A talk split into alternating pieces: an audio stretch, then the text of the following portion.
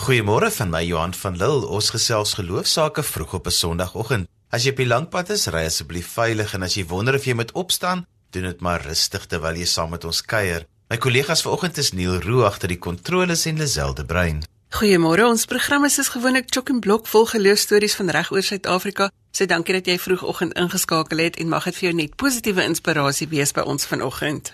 Ons gesels vanoggend met Dominee Jannie Pelser oor 'n gebedssafari wat onlangs plaasgevind het. Melanie Tirion gesels met ons oor die plek van die vrou in die kerk. Pastoor Justine Pike is ook hier om met ons te gesels oor wat om te maak met 'n miskraam of die dood van 'n baba. En dan laasens gaan ons afsluit met Dr. Jan Trieter van Letsetele en ons gaan praat oor vergifnis en sy eerstehandse ervaring van hoe dit behoort te wees. Jy kan natuurlik saamgesels by 45770 teen R1.50 per SMS En dankie vir almal wat reeds vir ons vanoggend hallo gesê het. Sit maar net jou naam by die SMS of dit nou 'n kompliment of 'n grommigheid is. Ons hoor graag van jou. Jy kan ons ook bereik deur vir ons 'n e-pos na die ateljee te stuur deur die webwerf by rsg.co.za. En as jy die DStv se kanaal 813 by ons ingeskakel het, sê ons ook daar vir jou goeiemôre. Ons sê goeiemôre aan Hessie en Erna wat ge-SMS het en dan net so vinnige verwysing na ons gas verlede week waaroor almal gevra het. Dr. Lourens Bosman, die bestuurder van die Algemene Sinode, het verwys na die boek Vroue in die Sending en jy kan gerus by die Christelike Lektuurfonds navraag doen daaroor. Onthou alle detail vir ons program en kontakbesonderhede ook op RSG se webwerf en ook op ons eie Facebook bladsy. Dankie dat julle ook daar met ons saamgesels.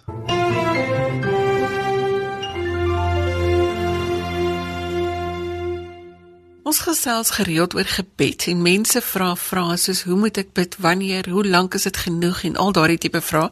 Janie Pelser was onlangs deel van 'n groep mense wat 'n gebedsafari deur die land aangepak het en hy vertel ons vanoggend daarvan. Goeiemôre Janie. Dag sê, baie baie dankie en dag sê aan al die luisteraars.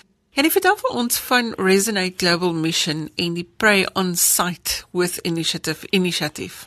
Dit is 'n ding wat op my pad gekom het. Dit is altyd wonderlik hoe die Here sekere dinge vir ou se lewe begroot, juis ter wille van jou eie persoonlike groei uh het die kerk my gevra om in te skakel by 'n inisiatief, jy het dit nou met reg genoem, die Global uh Prayer Safari GPS uh met die onderskrif Pray on Site with Insight. Dit is 'n inisiatief van 'n Global Resonant Mission wat 'n internasionale uh, sendingbeweging is. En uh, dis een van die inisiatiewe wat hulle onderneem om in verskeie lande van die wêreld by bepaalde tye uh, te gaan bid vir dit wat kontekstueel waar is en uitdagend is en problematies mag wees vir daai bepaalde land met die verwagting dat die Here dan ook daar 'n verskil sal maak. En so het ek betrokke geraak by die hele beplanning daarvan. Dit het oor etlike maande verloop. Dit is 'n groepie van ons wat saamgewerk het en uh, uiteindelik het ons hier in die begin van Februarie die geleentheid gehad om by ongeveer 50 verskillende, noem dit maar stasies, merkers te gaan stilhou van uh, Pretoria af tot in Kaapstad en daar te gaan uh, net weer bewus te word van die historiese uh, gebeure rondom daardie ook die uh, tersaaklike relevante gebeure vir ons eie dag wat is relevant met betrekking tot hierdie merker, hierdie plek en dan inderdaad daarvoor te kon bid. Nou die hele gedagte van pray on site beteken jy bid waar die ding gebeur het of waar dit relevant is. As jy nou maar dink aan die Unie gebou, dan as jy mos on site with insight, met ander woorde wat gebeur hier? En dan gaan ek dit in my gebed verwoord. So 'n baie sinvolle uh en 'n bewustelike manier van bid vir kontekste op 'n baie relevante manier. Hoe het julle die roete uitgewerk?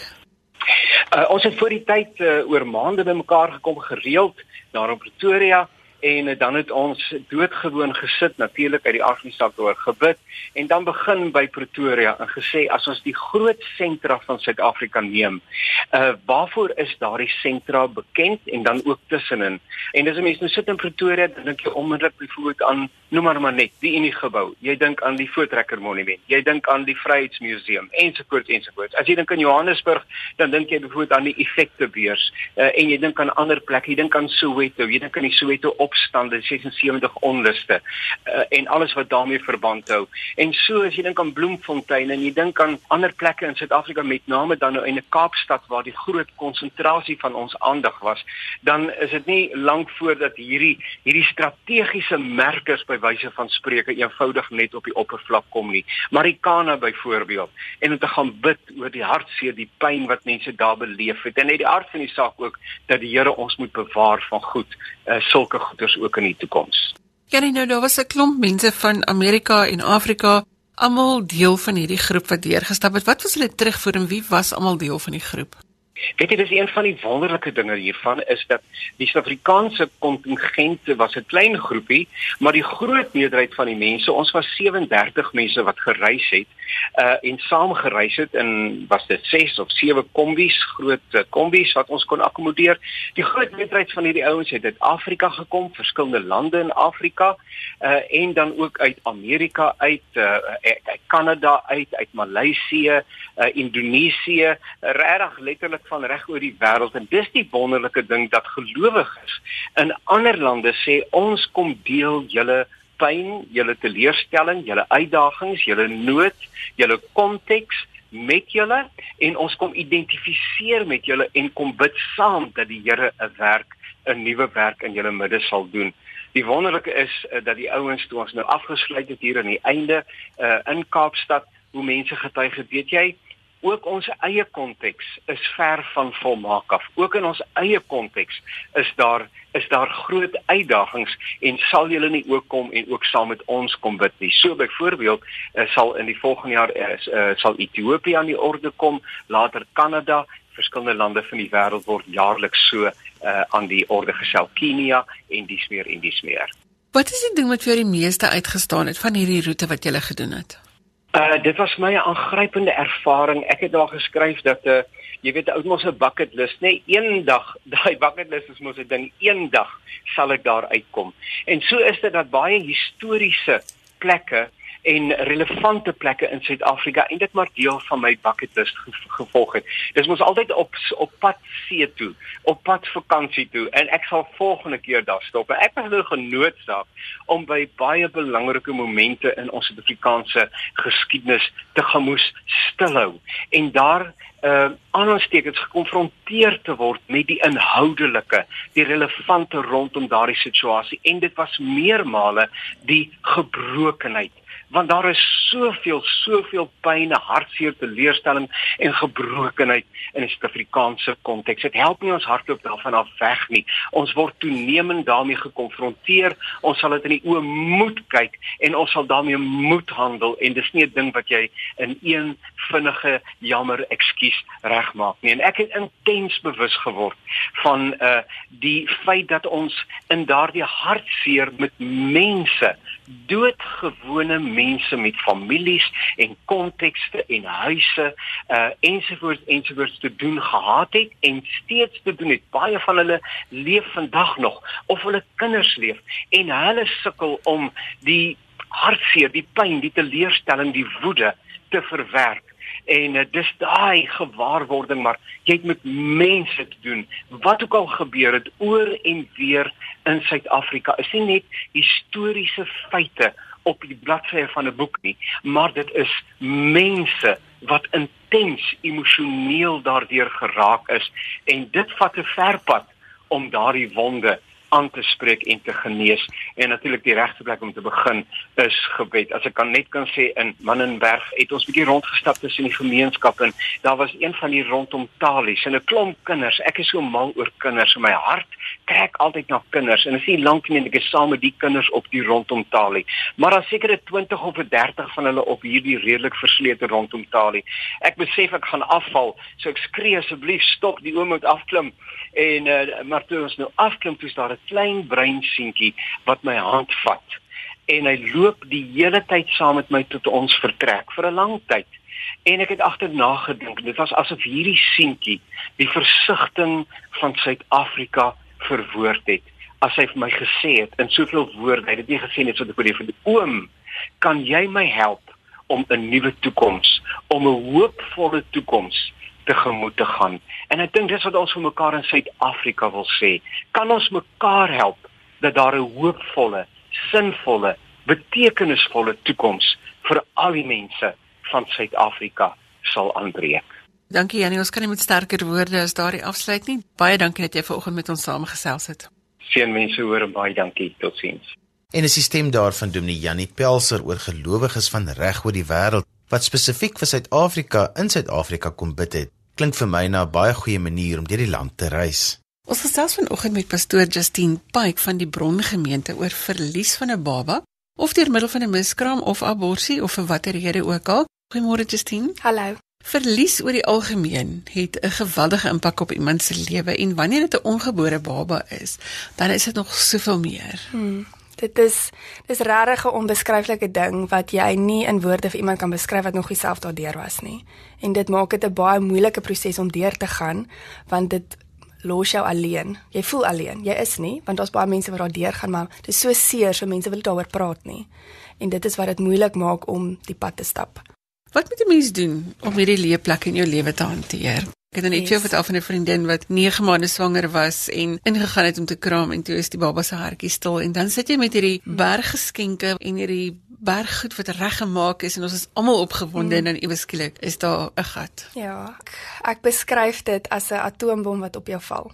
En dan hoe tel jy weer die stukke op as daar stukke oorbly want dis hoe jy voel. Jy voel jou hele lewe gaan onder jou uit en daar bly niks oor nie en dan hoe face jy weer die wêreld? Um, so ek sal sê die die beste advies wat wat vir my gewerk het is jy moet rou.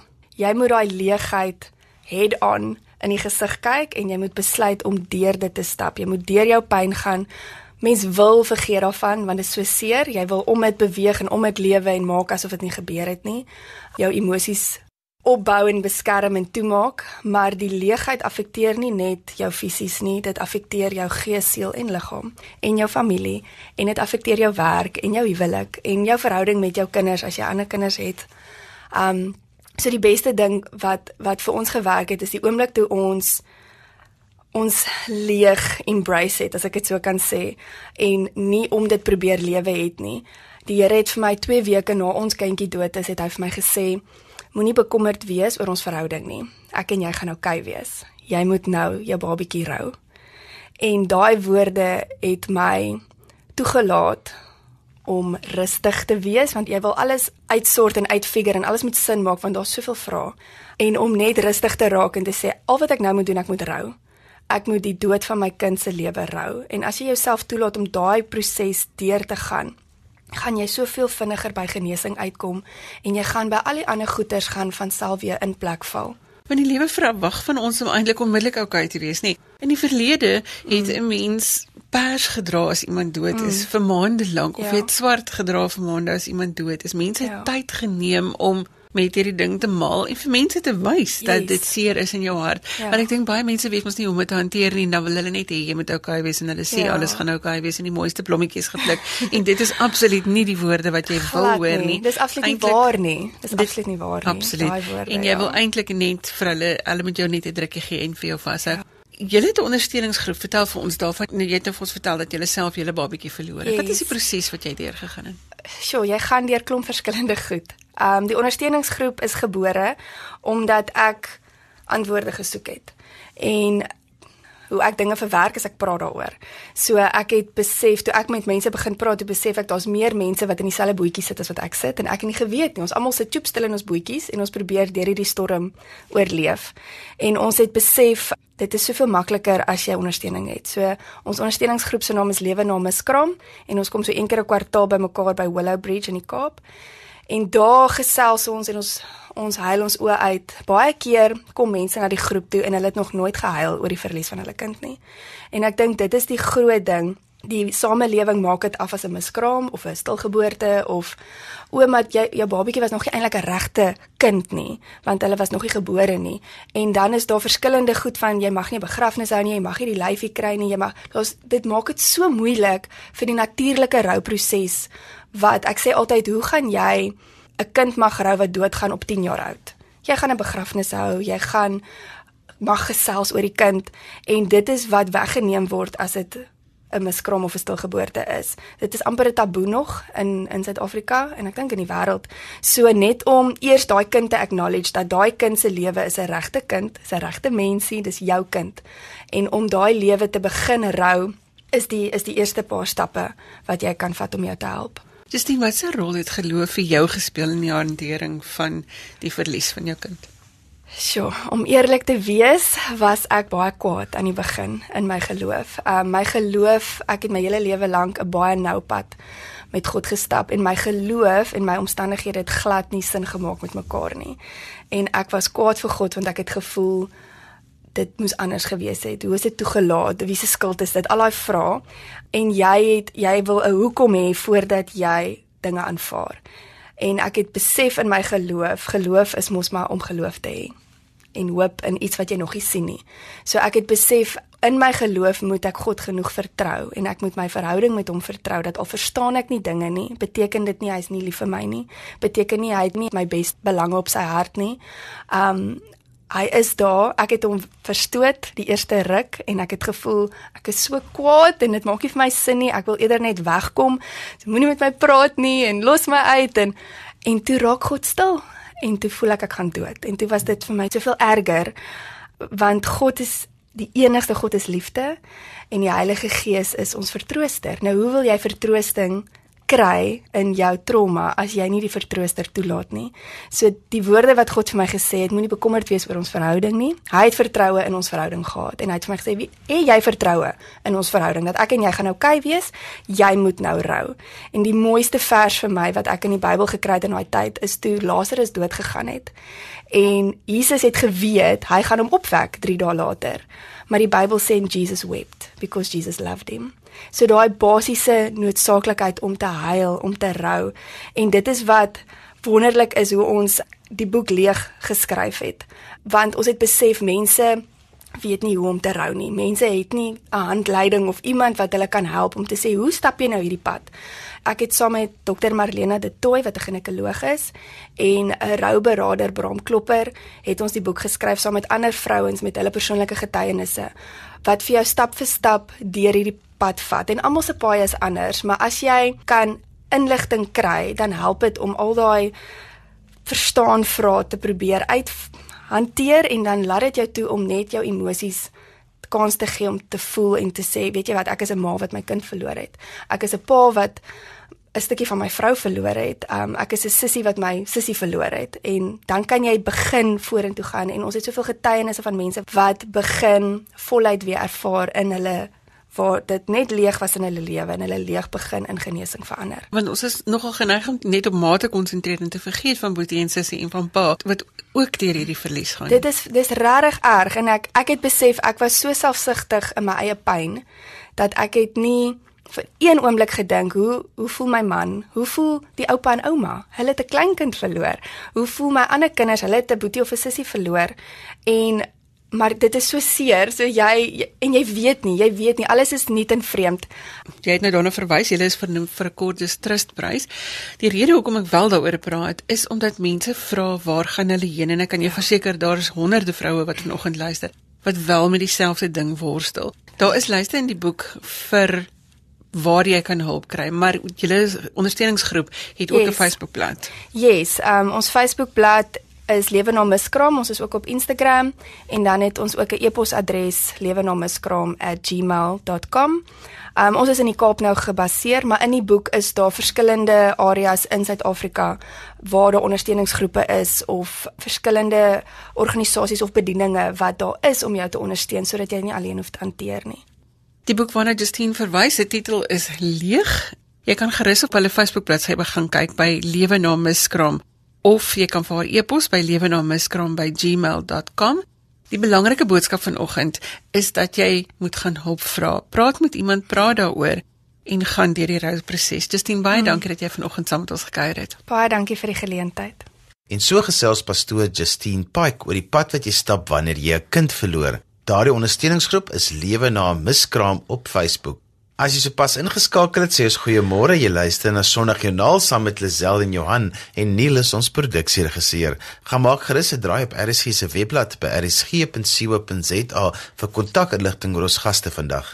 Melanie Tirion is by die Kenridge NG gemeente en sy is ook deel van die Wes-Kaapse Moderatuur en gesels vanoggend met ons oor vroue sake. Goeiemôre Melanie. Goeiemôre. Melanie, jy het onlangs weer 'n gesprek gehad oor gelyke deelname van mans en vroue op in die ampte van die kerk. Kom ons begin eers by waar die gesprek ontstaan het. Dit is 'n gesprek wat deurlopend binne in die kerkgeleierskapstrukture gevoer word Verlede jaar aan die begin van die jaar het ons agtergekom daar is vrouens binne in die kerk wat verskillende ervarings het in hulle werk as vrouens in die kerk en ek, hier verwys ek nie net na predikante nie maar ook vroue lidmate, maatskaplike werkers, jeugwerkers, vrouens in verskillende hoedanighede binne in die kerk. En ons het as leierskap besef dat ons as vrouens met mekaar moet gesels. En ons het 'n vrougespreksgroep begin hier in die Suid en Wes-Kaap en ons kom so een keer 'n kwartaal min of meer bymekaar en het dan 'n agenda waar ons gesels, mekaar uitluister, mekaar bemoedig. En so het daar vanuit hierdie vrougespreksgroep het ons verlede jaar Augustus maand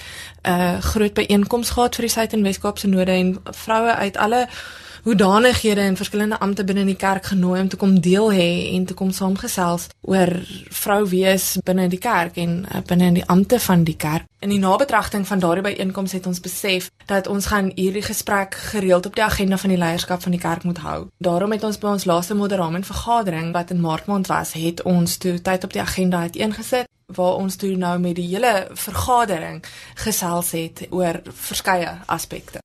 Daar was ook kerkraadslede, nê, nee, vroue ja. van reg oor die ja, ja, ja. spektrum. By die moderamen, kyk die moderamen vergadering word saamgestel deur uh, verteenwoordigers van die ring wat predikante is en dan ook kerkraadslede. En hierdie kerkraadslede is dan professionele persone of huisvrouens of maatskaplike. Dit is enige iemand wat dan nou afgevaardig is uit die ring uit as kerkraadslid.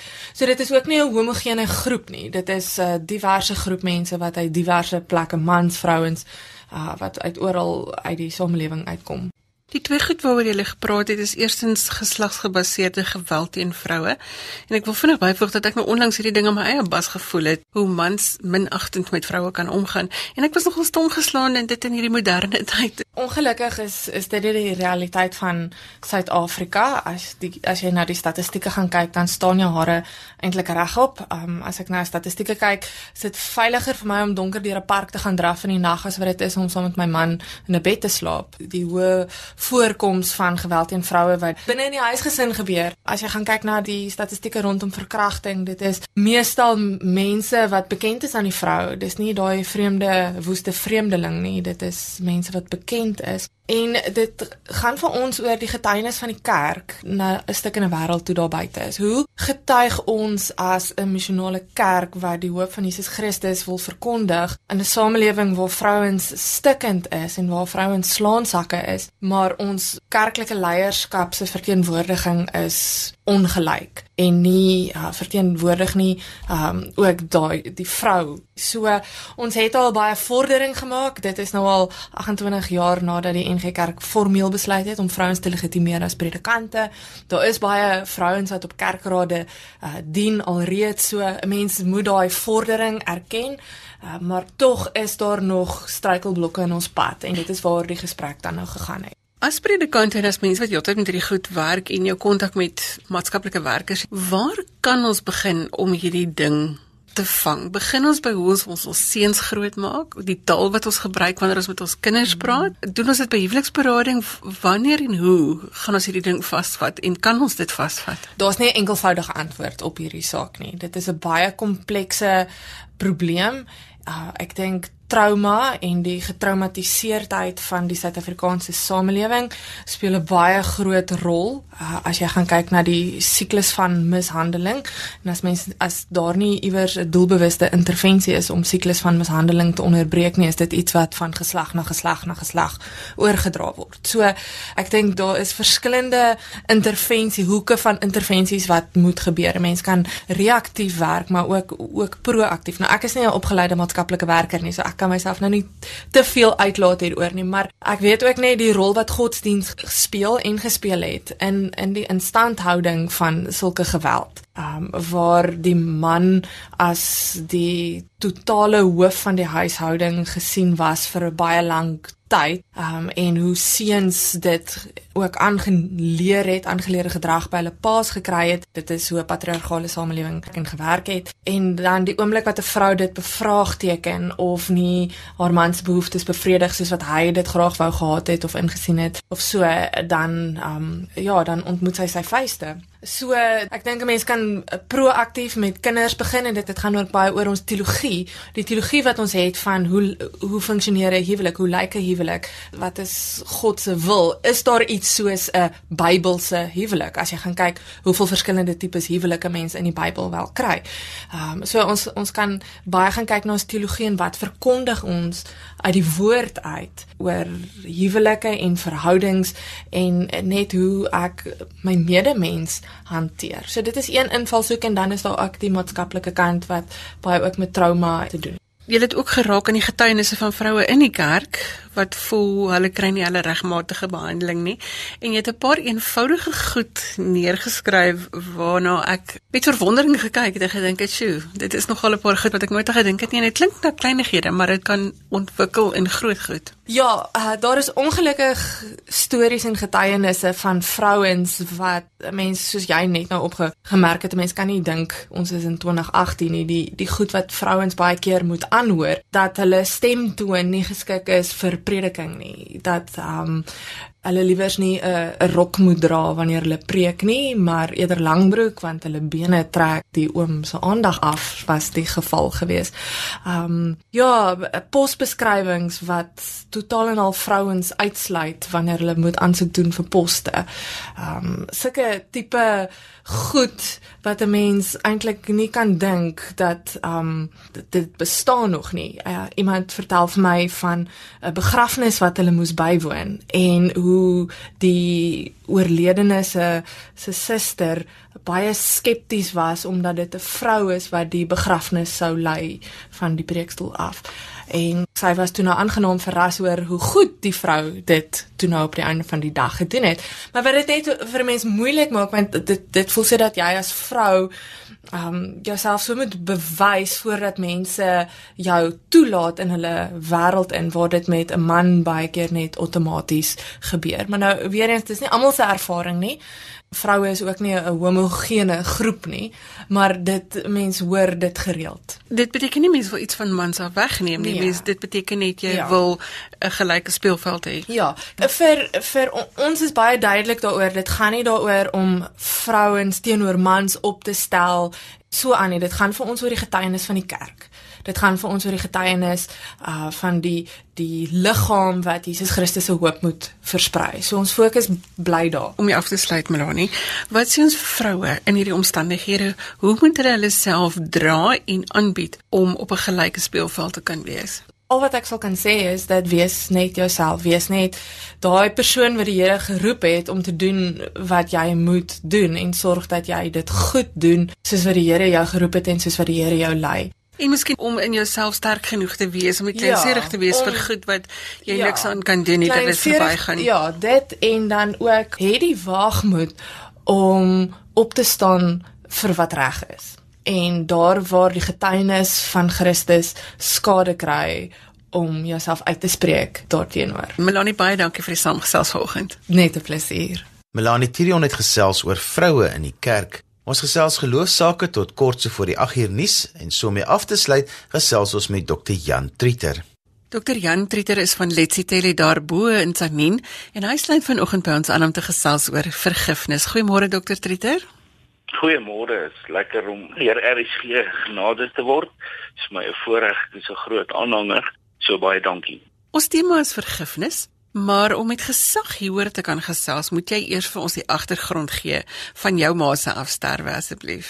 My ma is die 2 Februarie verlede jaar 2017 is sy in haar huis in 'n sekuriteitsoord in Naboomspruit. Is sy in haar ehm um, alleenheid waar sy gebly het. My pa so 18 maande voor haar dood, presies 18 maande, 2 Augustus uh 18 maande voor haar dood is sy um, aan kanker oorlede en sy het alleen daar gewoon en toe is sy die donderdagmiddag deur 'n ou wat vir die tuindienste gewerk het is sy gewelddadig vermoor. Hy het die Woensdag aand ingekom in die nag en um, in haar buite motor hy so afdakkie het hy gesit. En toe het hy daar gewag tot sy die donderdagemiddag soos ons die omstandighede in die polisie se verslag agterkom. Toe sy uitkom met hy agter haar aangegaan, sy het daar leer, sy was besig om boeke te doen, sy was 'n boeker van beroep gewees. En toe het sy ehm um, die leers gekry wat uh, in haar motorhuis was, het sy daar gebeer en wou seker nog uithaal en toe het hy agter haar aangekom en hy het haar vermoor. Uh wat vir ons baie snaaks was was die feit dat uh, daar so min goed gevat was, juweliersware en 'n klomp goed. En toe het die Vrydag aand, my familie, my kinders was almal hier so by my, hulle het hier gekuier. Toe die buurvrou Treynie het my laat weet dat as uh, sy's baie bekommerd oor my ma want sy sien haar nie. Ehm um, daar's altyd 'n ou wat vir hulle water aflewer, Arix water en ehm um, dit sê die water ingevat want dit het buite gestaan daar nie gekry nie en sy is bekommerd en toe sê ek vir haar gaan kyk net weer en toe het sy uh, my laat weet sy kry haar nie. Seker gaan kyk net na haar motor. En toe het haar man gegaan en haar in die motorhuis gekry in 'n mat toegedraai en met handdoeke toegegooi en uh, nou ja van daar af het die ding verloop en die polisie ek gekontak en almal is uitsoen toe. So ja sy is maar um, aangerand en verwag Jan, dood onder normale omstandighede is ontwrigtend, maar wat gebeur in jou gees wanneer dit op so 'n onnatuurlike manier gebeur? Weet jy, dit is altyd moeilik. Dis dood is dood. Dood is altyd moeilik, maar as iets bykom, dan vat dit jou. Jy weet jy jy wil heeltyd jou gedagtes terugsoen toe vat om die omstandighede waarin sy dood is, wil jy jy, jy wil dit terugdink en dit oordink. Hoe is sy dood, jy weet en maar op die ou end jy weet dit dit dit, dit, dit maak jou hart seer. Maar my dit bring my ook tot die besef ehm um, dat uh, hier's 'n pad wat jy moet stap want jou lewe sal nooit weer dieselfde wees voor daai omstandighede as daarna nie. En dit is 'n keusepad wat elke mens op aarde maak. Wanneer so iets soos moord op jou pad kom en uh, weet jy wel ek het uh, toe ek nou die vrygaan daarvan hoor het ek die Saterdagoggend alleen gery van hier van Zanina af na Boomspruit toe. En uh, dit, dit dit was 'n baie snaakse ding wat gebeur het die die maandag ek maak altyd maandag my preke. Ek was besig met 'n reeks oor die sewe doodsondes en die derde week was woede. En die maandag maak ek 'n preek oor woede en vergifnis wat vir my absolute ingryping van die Here was. Dit glo ek in my lewe en deur die Heilige Gees uh, dat ek so iets moes doen en so 'n preek moes maak. En toe ek nou ry en hierdie goed speel in my kop af te besluit ek net weet jy ek het 'n keuse. Ek kan laat hierdie ding uh my lewe beheer en soos 1 Korintiërs 15 vers 13 sê die Here gun ons lewe van vrede en vreugde. En ek maak hierdie ding 'n valse beheerpunt in my lewe wat my vrede en my vreugde gaan wegneem of ek vra die Here om my krag te gee om tot 'n pad van vergifnis te kom. En ek het soontoe gegaan die omstandighede gekyk en ek en my broer, hy's so 5 jaar ouer as ek, hy woon in die Kaap.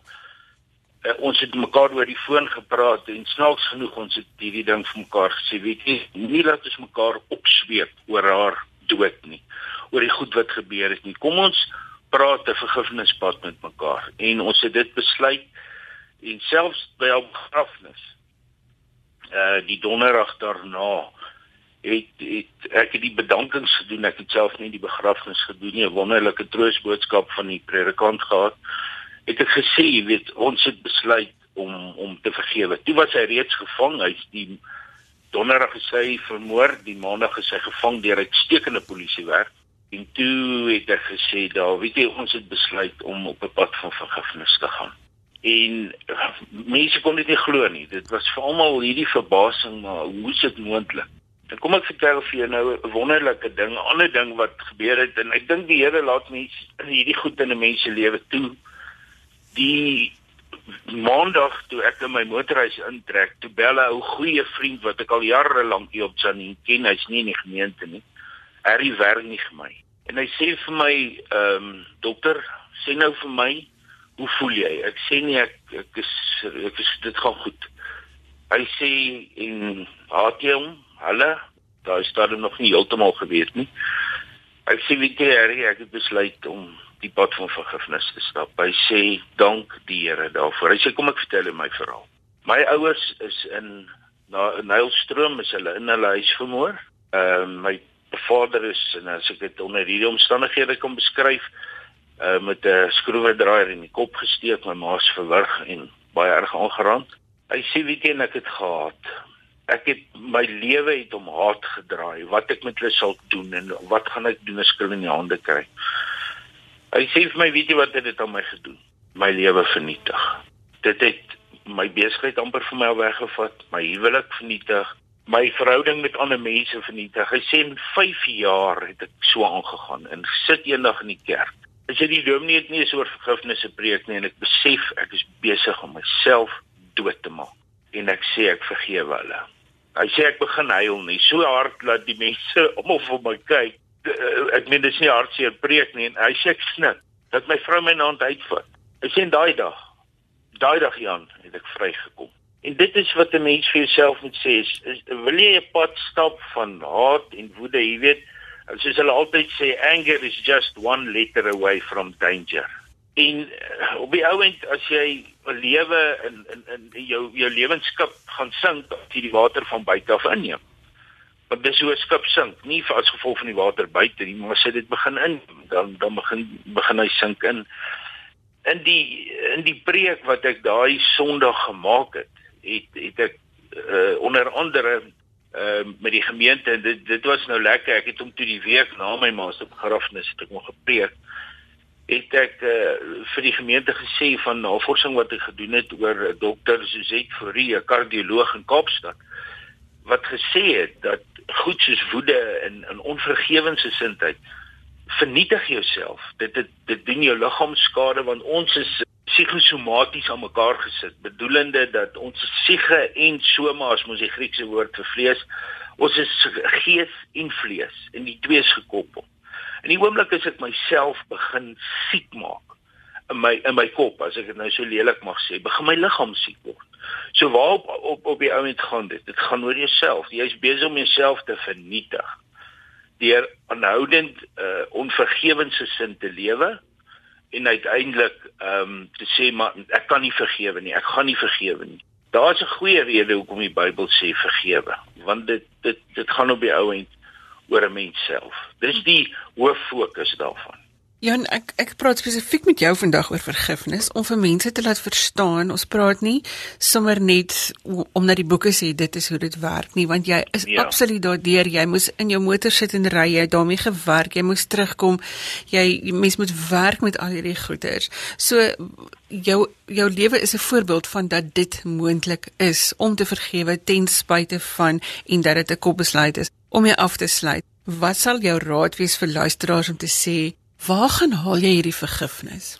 Lisel, ek dink die die beste ding is as ek so kan begin is sorg dat jy self so lewe nie dat as jy doodgaan dat die mense wat agterbly dat hierdie mense ehm um, berusting in hulle harte het. Jy skuld dit vir jou naasbestaandes om opreg te lewe.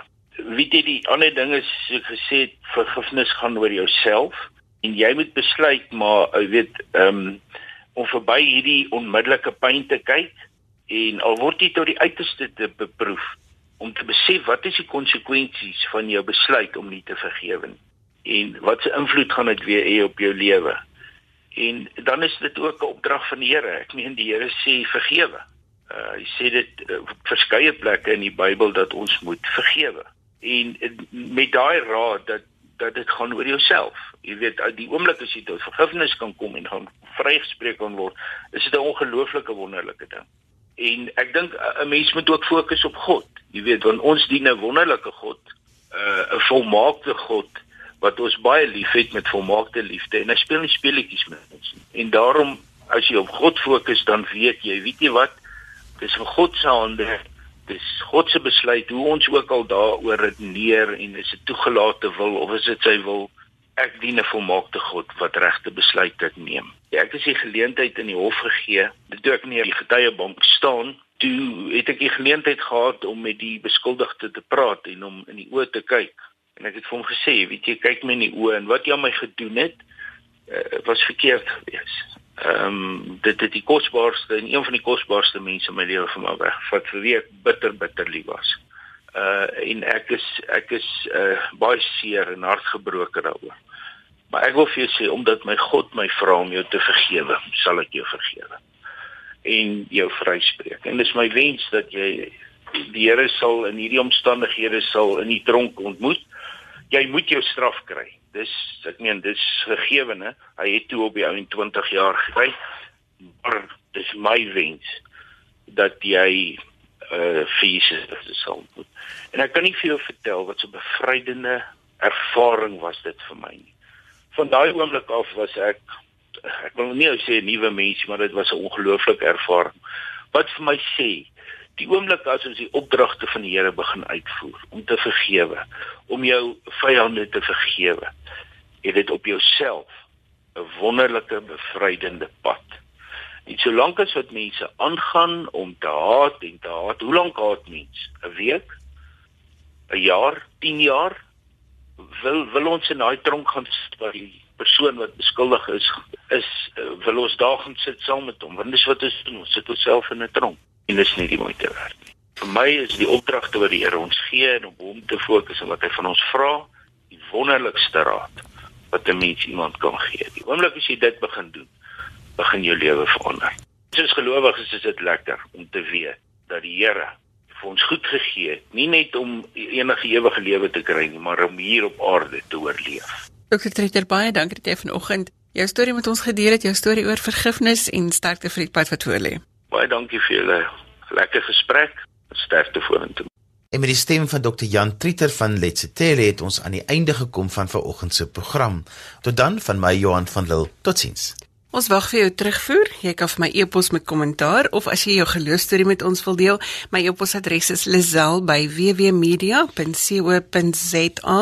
Lazel L E Z E L E by www.media.co.za of jy kan ook vir ons 'n boodskap stuur deur die webwerf by rsg.co.za. En dan as jy nou geskarrel het om 'n pen te gaan haal, net gou-gou weer e-posadres lazel by www.media.co.za of kry ons op Facebook. Onthou om jou kontakbesonderhede by te voeg wanneer jy vir ons 'n e-pos stuur deur RSG se webwerf, anders kan ons net lees en nie reageer nie. Tot volgende week groet ek namens produksieregisseur Neil Roo. Maak 'n punt daarvan om uit te reik en om vandag iemand se lewe makliker te maak. Totsiens.